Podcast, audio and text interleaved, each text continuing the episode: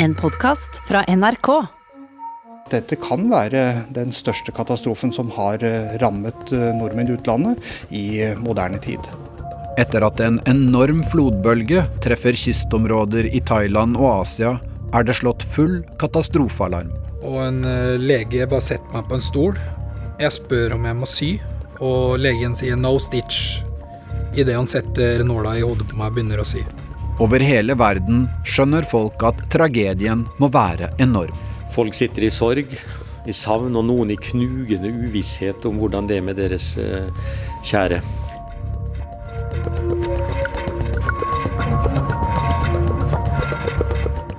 Du hører på hele historien om tsunamien 2004 av Hege Haug Omre. Del tre av fire savnet i Thailand.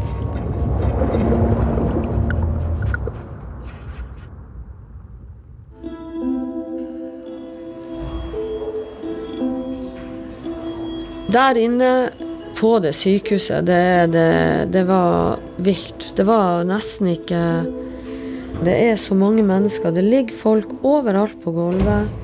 Det er sykepleiere og leger som går rundt omkring. De kommer til meg og sier at du må opereres med en gang. De tar et gummistrikk med ei papplate på og fester på handa mi, på armen. På et overfylt sykehus i Thailand leter Gro Michaelsen etter et sted å legge seg ned. Hun er hardt skadd, med dype flenger i foten, etter å ha kjempet for livet i vannmassene samme formiddag. Jeg finner meg fort en, noen sånne søppelsekker med masse sånn blodsølgreier. Legger meg oppå det. Jeg er jo fremdeles bare i sånn bikini og shorts, da. Og foten opp på en benk.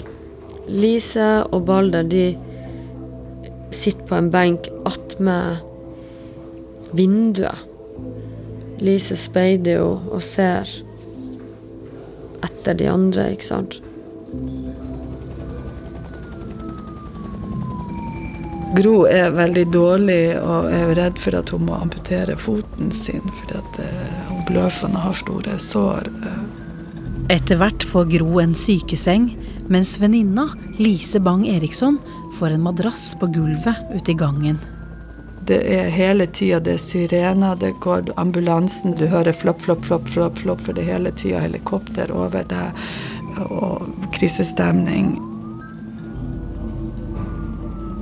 Madrassen deler Lise med den snart sju år gamle Balder Alvær Olafsen, som hun kjenner godt fra før. Det var i bungalowen til Balders familie de tre vennefamiliene hadde samlet seg da bølgen traff og bygningen eksploderte. I alt kaoset etter katastrofen finner Lise vesle Balder liggende bevisstløs på en dør. Nå passer hun på han på sykehuset. Det var jo veldig mange eh, liksom, hyggelige sykepleiere som jobbet der. Kroppen til Balder er full av sår og skrammer men det sykepleierne ser, er en liten lyshåra gutt med et tannløst smil. Og som selvfølgelig også var veldig opptatt av at liksom alle barn skulle ha det bra. Balder ble skilt fra både foreldrene og lillesøster da bungalowen knuste. Nå får han godteri av sykepleierne. Og det samlet jeg i fire små hauger, og så eh, spiste jeg litt av den ene haugen. Og da husker jeg liksom, på et eller annet tidspunkt så spurte jeg liksom hvorfor Hvorfor uh, spiser du ikke alt det godteriet ditt? Og så sier jeg ja, men jeg, jeg har en til meg selv, en til pappa, en til mamma og en til Freya.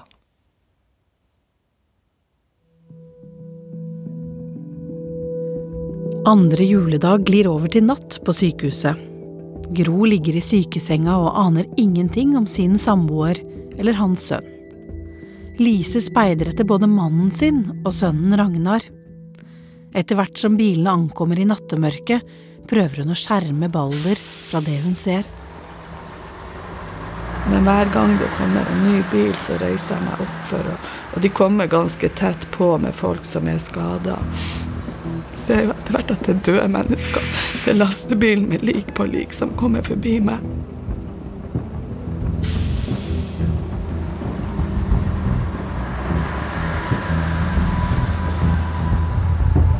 Litt lengre sør, på kontoret i Phuket, jobber Startur-sjef Espen Vestli med å skaffe seg oversikt over de 3500 gjestene som har reist med charter til Thailand.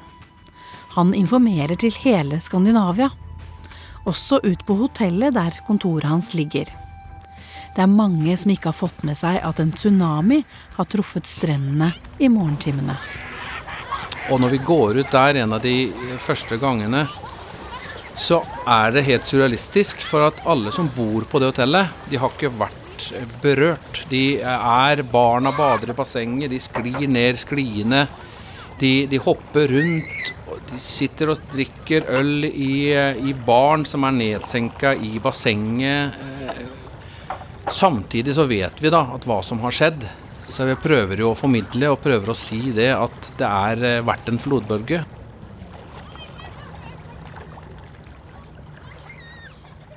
På sykehuset får Lise låne telefonen til en lege og får vite at alle de tre fedrene i vennefamiliene har overlevd. Også stesønnen til Gro. Men jeg vet fortsatt ingenting om Ragnar, og jeg vet ingenting om lillesøstera til han Balder, og heller ikke noe om mora til han Balder. Men jeg sier liksom at han pappa lever, og, og i morgen skal vi prøve å finne hvor han er henne. og, og jeg var bare så glad for vi hadde en madrass å ligge på og fikk være i lag.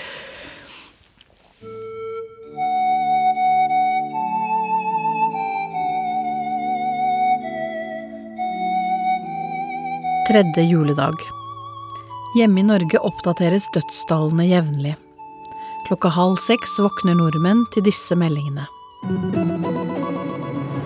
Tallet på omkomne etter jordskjelvet og oversvømmelsene i Asia fortsetter altså å stige. Hittil er det registrert over 14 000 omkomne, men ingen vet hvor mange som er savnet. På den berømte ferieøya Pipi er det knapt en bygning igjen.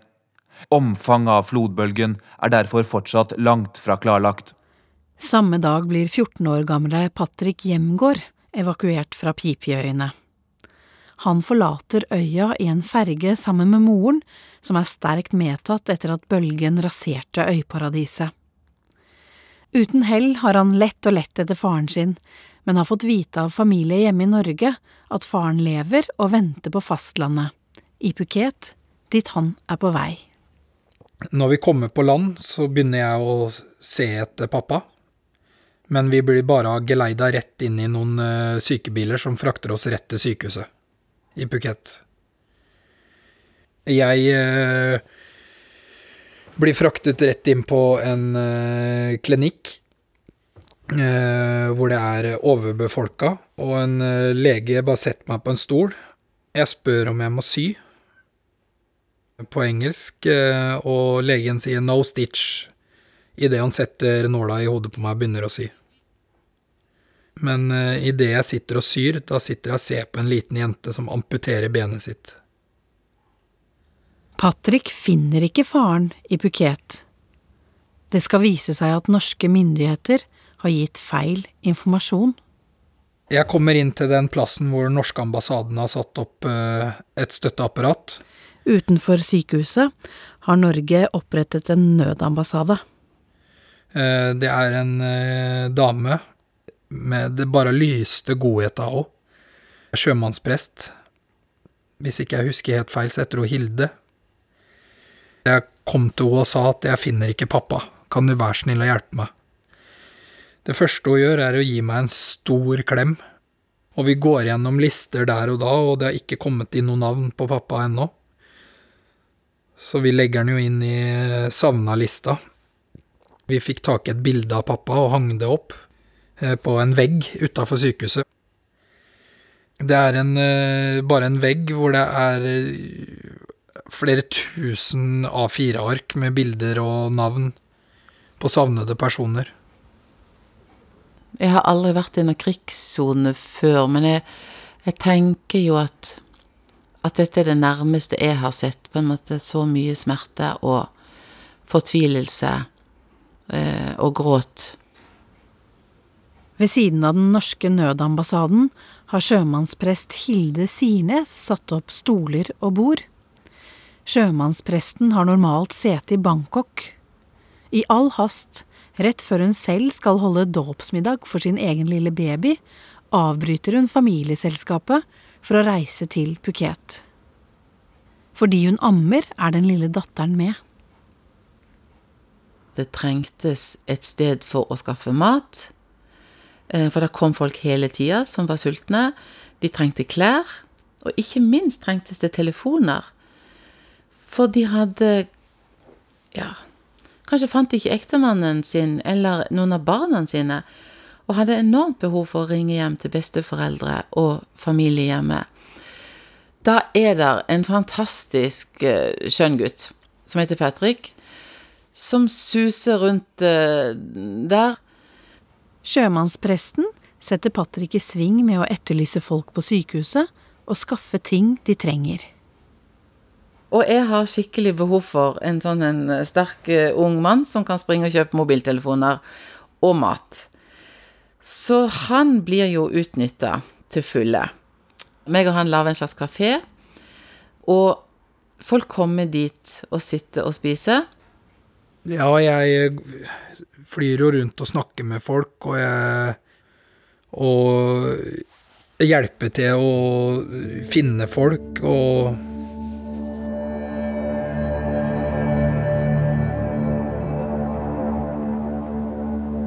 Jeg ser mange ansikter for meg, åssen de lukter. Stress, svette og tomme blikk.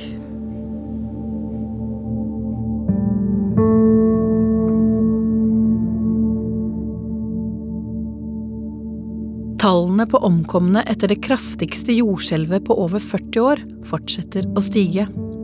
På ettermiddagen tredje juledag melder mediene om 23 000 døde. Utenriksminister Jan Petersen holder en pressekonferanse. Ja, det er jo meget dramatisk med de store eh, tallene vi her har hørt. Vi har pårørende fått eh, vite at eh, 13 nordmenn er omkommet og mellom 20 og 40 skadet. Men dessverre er det slik at det er flere hundre nordmenn som vi arbeider å komme i kontakt med, men som vi ikke har lykkes å komme i kontakt med hittil. Vi har ikke fått de endelige tallene på plass på noen som helst måte. Det var jo en ganske stressende situasjon, fordi telefonene ringte hele tiden, og det var en voldsom summing hele tiden. Kjell Brattås fra Helsedepartementet er innkalt for å ta telefonene. Og det var jo mange vi snakket med som, som gråt i telefonen. Ja, god dag, det er vakten i UD. Ja, det er greit. Din datter, hva heter hun? Telefonen har ikke stått stille hos Utenriksdepartementet siden i går. Over 1000 personer har hittil tatt kontakt opptil flere ganger. Skal vi se om vi har, har du snakket med oss tidligere om henne? Etter hver samtale så noterer vi på et hvitt ark, et helt vanlig A4-ark. Og vi noterer da de opplysningene som den som ringer inn, gir oss. Det kan være informasjon om øyefarge, hårfarge, alder, navn, passnummer osv. på den eller de som er savnet. Og så legger vi da hvert papir i en, en bunke på et hjørne på skrivebordet.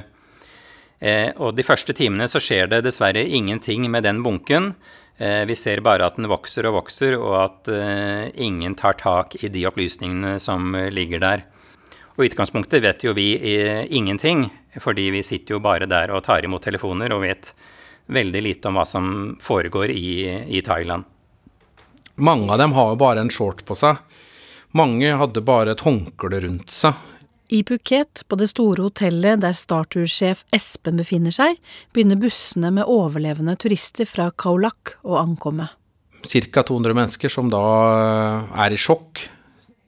Turister på hotellene i Phuket gir frivillig fra seg rommene sine. Men hvordan, hvordan da folk kommer inn, og folk bare gir fra seg nøkler, og er det noe mer vi kan gjøre? Vi har noen klær også, kanskje noen som trenger, trenger klær. De, de, leverer inn alt mulig. De leverer inn leker som barn kan bruke. Og så er det veldig mange som melder seg, som kommer inn. Og ja, jeg er sykepleier, jeg er doktor, hva kan jeg hjelpe til med?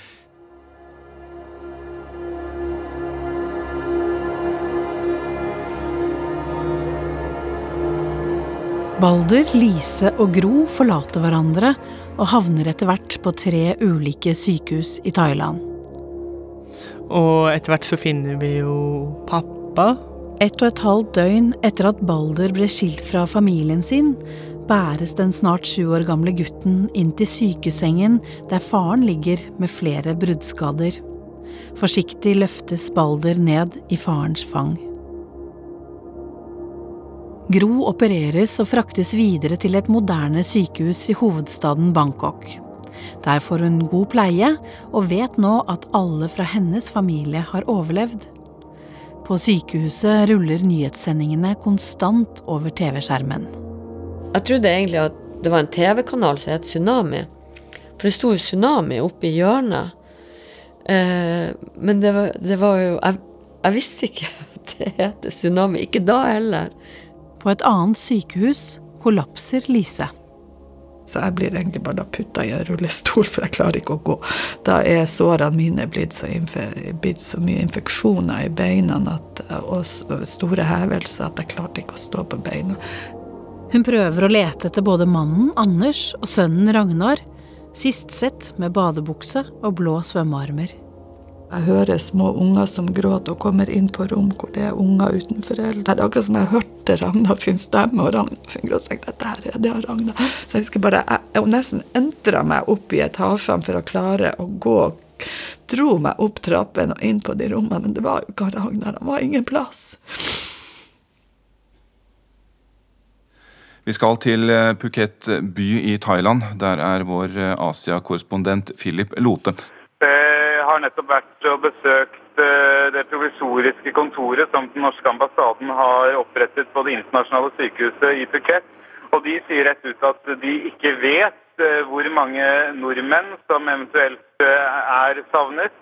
Men så vidt vi forstår, så er det grunn til å tro at det både er meget unge, små barn blant de savnede som er norske, og også foreldre som er savnet. Så det er en forferdelig trist situasjon. og det er, eh, For meg personlig så er det sterkt å se andre nordmenn i en sånn situasjon.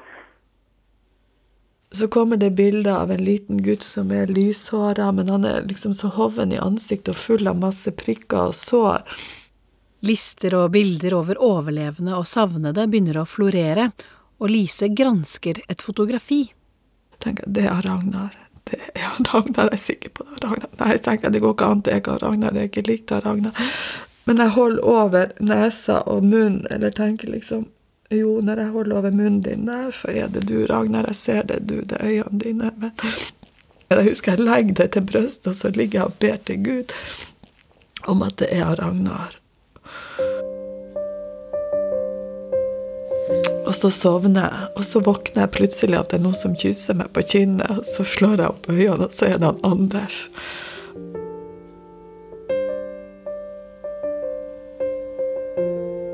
Paret bestemmer seg for å haike til Phuket for å finne sønnen. Underveis møter de flere thailendere som gir fra seg klærne de står og går i, og litt penger. Here you go, you need more than me. Og jeg har fått en sånn sarong fra ei thaidame, en sånn blomstret sarong. Lise kommer inn på rommet der den foreldreløse gutten ligger. Så fikk vi lov å komme inn og se, men det var jo selvfølgelig da ikke av Ragna. Hit til Phuket internasjonale sykehus kommer mange av de skadde turistene fra flodbølgekatastrofen. Hit kom også en liten gutt, en på rundt to år, som ikke kunne fortelle hvem han var, eller hvor han var fra. Sykehuset etterlyste hans familie på internett, og fikk napp. Onkel Kim fra Sverige dukket opp og fortalte at gutten het Hannes Bergstrøm. Utenfor er det hundrevis som står i kø der den norske nødambassaden har rigga seg til. Det er en far som står der med to-tre unger, og ei mor han bare sier 'Jeg skal hjem, jeg skal hjem nå!'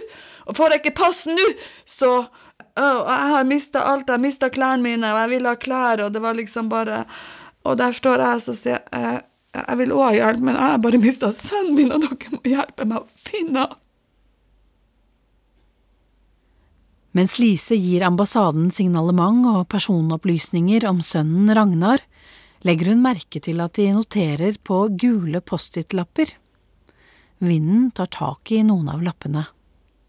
Det blåste, og du så at ting fløy bort, og det var, det var liksom ikke velorganisert. Men oppi alt det her rotet som eh, er, så treffer jeg liksom ei dame som bare er eh, de øynene og liksom en barm, og som bare sier Hei, jeg heter Hilde, og jeg er sjømannsprest. Jeg ser ei veldig sånn driftig, flott dame men som er helt fortvila og har mista den ene gutten som hun hadde, og som sier mye om at um, hun håper noen har tatt med uh, Ragnar. Og en enorm fortvilelse på å ikke vite hvor han er. Um, Elise sier at han hadde armringer på. Men hun Hilde hadde en liten baby med seg. Hun, eh, hun satt der og amma, og så spurte hun kan du være så snill å holde babyen. Så tok det. Det var utrolig beroligende, fordi du hadde liksom på en måte mista ditt, men det å få holde omsorg for noen Hvis du holder et barn i armene dine, så kan du liksom ikke gjøre noe annet enn å bare sitte. Eh, og når barnet sover, så er det noe, tror jeg, rolig bare med den pusten. Jeg hadde jo aldri kommet på at det skulle være en del av et hjelpearbeid. At man skulle ha en baby som gikk fra person til person for å skape ro eller trøst.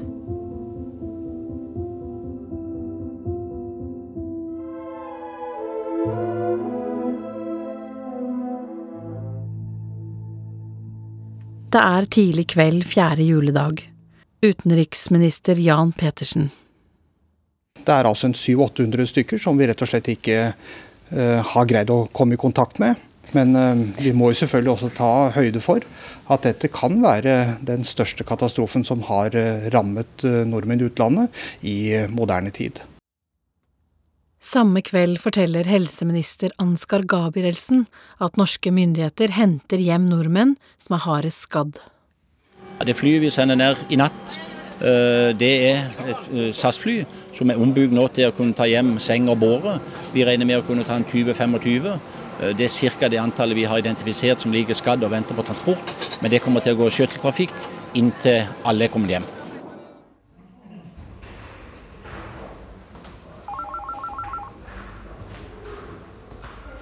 Utenriksdepartementet har oppdaga at Gro Michaelsen befinner seg på sykehuset i Bangkok. Det er første gang hun er i kontakt med norske myndigheter etter tsunamien. Da begynner UD å ringe. Og ringe og ringe og ringe, og skal redde meg, da. Jeg har det jo ikke spesielt travelt. Jeg er jo nyoperert. Jeg har vært på tre forskjellige sykehus på fem dager, vært operert fem-seks ganger. Men UD er veldig klar. Nå skal vi reddes, vi skal ut. Gro kommer om bord på flyet og blir plassert i en treetasjes køyeseng som skal ta henne til Norge. Jeg sier jeg må tisse. Eh, jeg må få et bekken. Nei, eh, det er ikke bekken. Så jeg, men må, vi skal jo fly til Norge. Det må jo være bekken på flyet. Nei, det er det ikke. Ikke utstyrt med det. Jeg, hva, vi skal ligge i tre stykker i høyden, oppå og under hverandre. Har dere med bleie, da, eller? Nei, har de heller ikke. Samboeren klarer å skaffe et bekken i en av ambulansene utenfor flyet. Så vi har ett bekken på deling, alle sammen. Det er folk som holder på å dø på flyturen. Det, folk er ikke stabile. De må heve pasienter som ikke er stabile, inn på det flyet. Pressa dem inn for å liksom pynte på tallene, eller jeg vet ikke hva.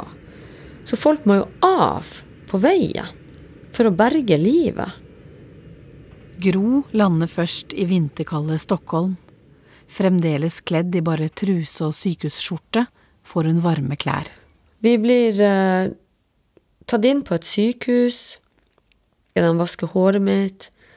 Eh, det var veldig deilig, og det er ennå masse leire og gjørme i ørene og håret. og når et uavhengig utvalg senere gransker helsemyndighetenes håndtering av evakueringen, er konklusjonene at oppgavene i store trekk ble godt utført. Når Balder kommer til Norge, settes han og faren i isolasjon på Ullevål sykehus. Jeg har jo fått eh, mye behandling for mine skader, men pappa har en del eh, skader som han må liksom fikse opp i. De tar røntgen av hele kroppen til pappa for å finne ut hvor mange ben han hadde igjen, holdt på å si. Eh, og hvor mange av de som var knekt. Jeg fikk alle røntgenbildene av, av, pappa, så, så at jeg pusla pappa sammen. Pusla liksom kneet sammen med leggen og liksom fikk til slutt liksom et helt eh, bilde da, av, av pappas kropp eh, i røntgen.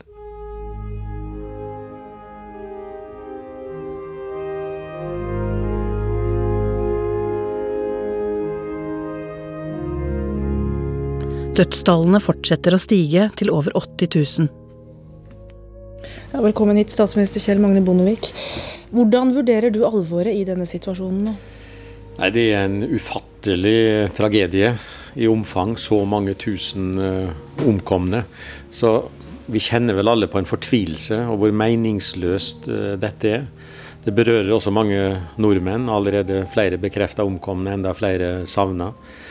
Folk sitter i sorg i savn, og noen i knugende uvisshet om hvordan det er med deres eh, kjære.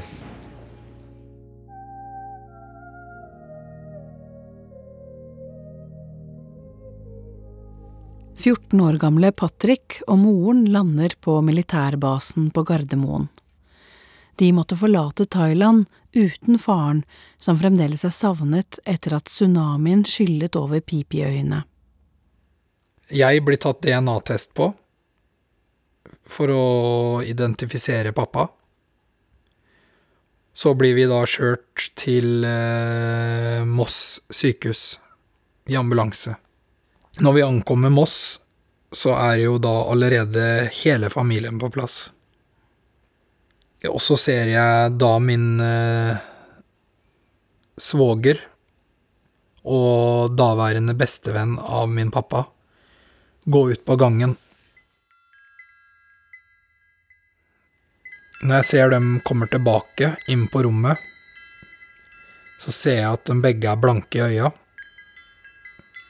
Pappa er funnet, og at han er død.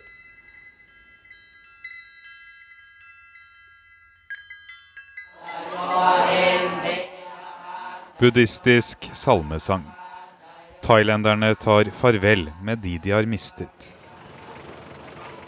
I flere dager har to personer fra den norske ambassaden forsøkt å identifisere savnede nordmenn blant de døde kroppene i Kaulak. Vi kan spørre om de hadde flere barn. I løpet av noen dager blir ambassaden forsterket med folk fra Kripos. Arbeidet med å identifisere de døde blir vanskeligere for hver dag som går.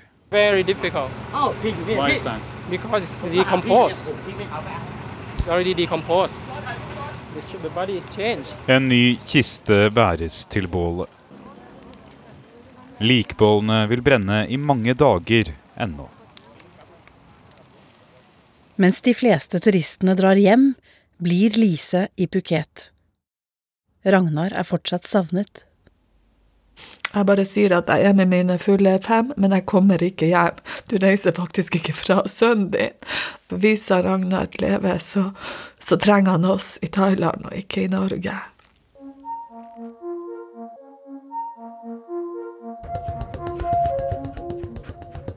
Du har hørt den tredje av fire deler av hele historien om tsunamien i 2004 av Hege Haug Omre. Episodene finner du først i appen NRK Radio. Lyddesign ved Kjetil Hansen. Produsent Kaja Frøysa. Redaktør Siril Heierdal. Jeg heter Kjetil Saugestad og svarer hvis du vil sende en e-post til hele historien krøllalfa nrk.no. En podkast fra NRK.